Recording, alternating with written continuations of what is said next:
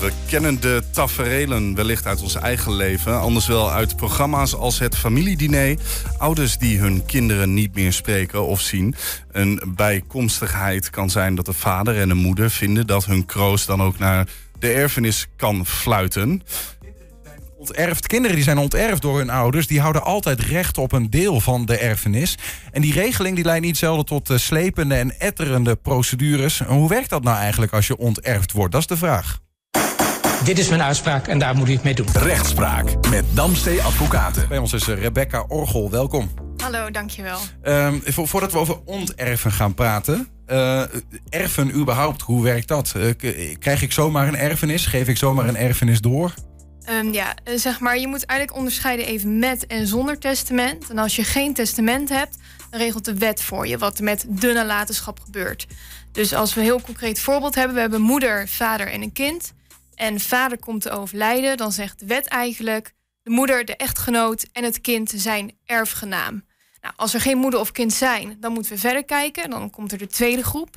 Dat zijn de ouders, de broers en de zussen.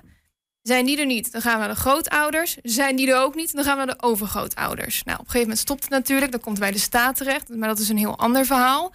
Maar in de meeste gevallen is er wel een echtgenoot en een kind. Mhm. En dan is er iets heel bijzonders aan de hand. Want dan zegt de wet, ja, als er een echtgenoot en een kind is, dan heeft dus ieder de recht op de helft. Want ze zeggen, wettelijk erfdeel, ieder heeft één tweede deel.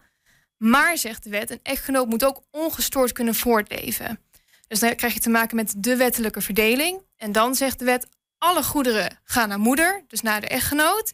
En het kind krijgt dan een vordering in geld, maar het wordt pas uitbetaald op het moment dat moeder komt te overlijden. Ja, ja. Dus dat gebeurt eigenlijk als er niks is geregeld. Dan bepaalt de wet dat het zo zit. Als er geen uh, testament is. Ja. En als er wel een testament is, dan staan daar allerlei andere uh, regelingen in zoals je die zelf bepaalt. Moet ik dat zo zien? Ja, dat noemen ze de testeervrijheid. Met testeervrijheid, dan kan degene die dan een, een, uh, een testament maakt, die gaat dan naar de notaris toe. Mm -hmm. En die zegt dan, nou, uh, ik wil dat uh, Pietje 100 euro krijgt. Dan krijgt Pietje 100 euro. Of ik wil mijn kind onterven. En dan komt dat ook in het testament te staan. Ja, nou ja daar willen we het over hebben, over dat onterven. Um, ik begrijp uit een artikel, geloof van het AD, dat het netwerk van notarissen zegt het gebeurt steeds meer. Um, maar echte cijfers bestaan er volgens mij niet, las ik daar ook in. Um, als het gaat om onterven, kun je dat zomaar doen of moet daar een soort van bijzondere reden voor zijn? Nou, je hebt natuurlijk die testeervrijheid en je mag gewoon zelf bepalen of je je kind onterft. Uh, de reden daarachter kan natuurlijk heel verschillend zijn. Het kan natuurlijk zijn omdat je geen contact meer met je kind hebt, wat er ruzie met het kind is. Het kan natuurlijk ook zijn beïnvloeding door derden. Denk aan een nieuwe partner uh, die dan zegt, ja, ik mag het kind niet zo en daarin meegaat. En dan vervolgens bepaalt, ja, ik onterf mijn kind. De vraag is dan alleen, kan je helemaal je kind onterven? En het antwoord daarop is heel kort, dat is nee. Nee. Want de wet heeft een zogenaamde legitieme portie. En uh, wat dat is, dus eigenlijk de wet zegt, moeilijk gezegd, het is de helft op het wettelijk erfdeel. Dus dan in het geval vader, moeder en kind. Dan zouden als vader overlijdt, moeder en kind de helft krijgen. Mm -hmm. Maar nu krijgt het kind maar de helft van de helft. Dus die krijgt dan volgens mij een kwart. Dus dat is eigenlijk de legitieme portie. Er is wel Ja. een hele grote maar bij. Ehm, daar komen schenkingen bij op. Dus als we het heel concreet maken, je hebt de nalatenschap. Hè, op het moment dat iemand overlijdt, dan heb je de nalatenschap. Dat bestaat uit vermogen en schulden. Mhm. Stel je voor, een nalatenschap is 100 euro waard. En vader heeft nog eens 20 euro geschonken aan zijn beste vriend. Dan heb je 100 euro plus die 120. En daarvan wordt dan die legitieme portie berekend. Dat is wel heel iets anders. Dus hoe meer je eigenlijk als ouder schenkt, Ja. hoe hoger het onterfde kind zijn legitieme portie krijgt. Dus even om het eh, in mijn eigen woorden te samen te vatten. Als een ouder zegt, ik onterf mijn kind, dan krijgt dat kind alsnog eh, altijd een gedeelte. Zo is dat gewoon wettelijk geregeld. Ja. Dat- Altijd geld. Ja, nou, ik kan me voorstellen, want hè, we begonnen natuurlijk dit item ook te zeggen dat dat, dat best wel eens tot wrijving eh, leidt. Want die onterving gebeurt niet zomaar.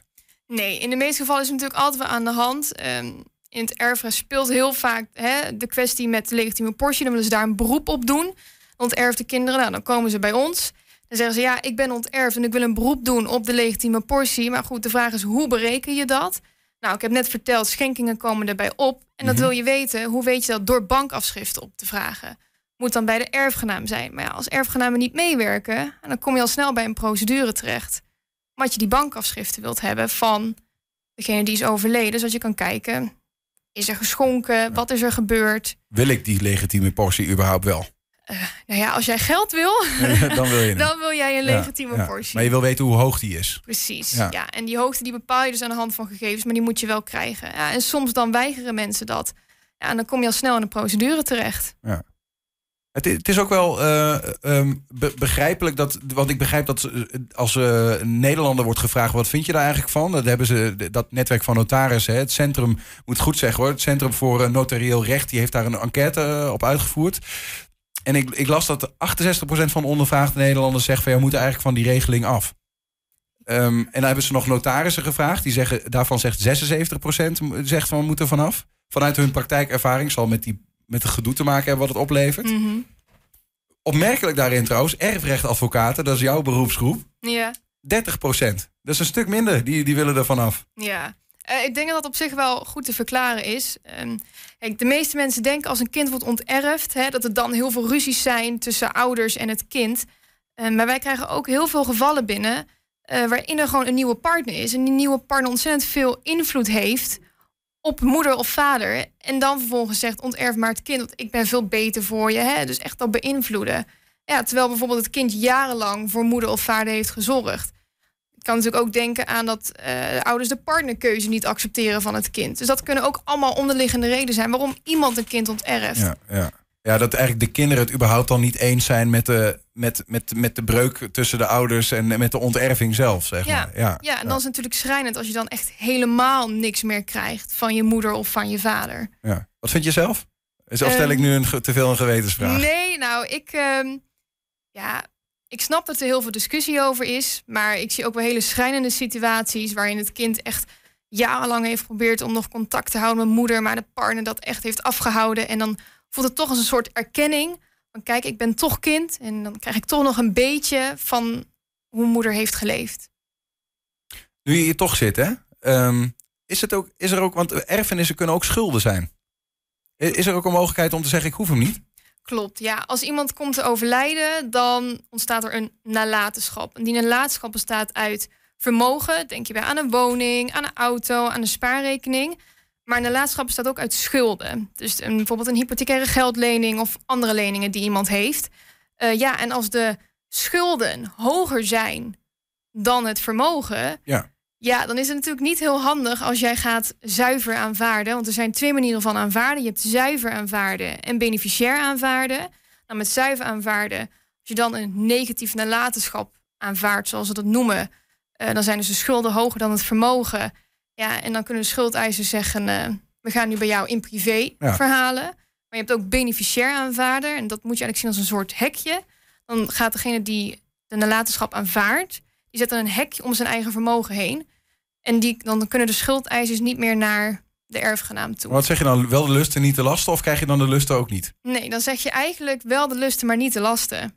Bij oh. beneficiair aanvaarden. Dat kan gewoon. Ja, maar je kan ook gewoon verwerpen. Dan zeg je, ik hoef niks. Ik hoef niks. Ja, ja. ja, ja. zo denk je maar. Een erfenis. Je denkt, het kan heel simpel zijn, maar er zitten nog allerlei haken en ogen aan. Heel dat veel zo, haken en ogen ja, aan. Ja, ja, zodanig dat jij zelfs je vak ervoor kan, van kan maken. Ja. Precies. Dankjewel voor je uitleg. Rebecca Orgel was bij ons. Dankjewel. Bedankt voor het komen.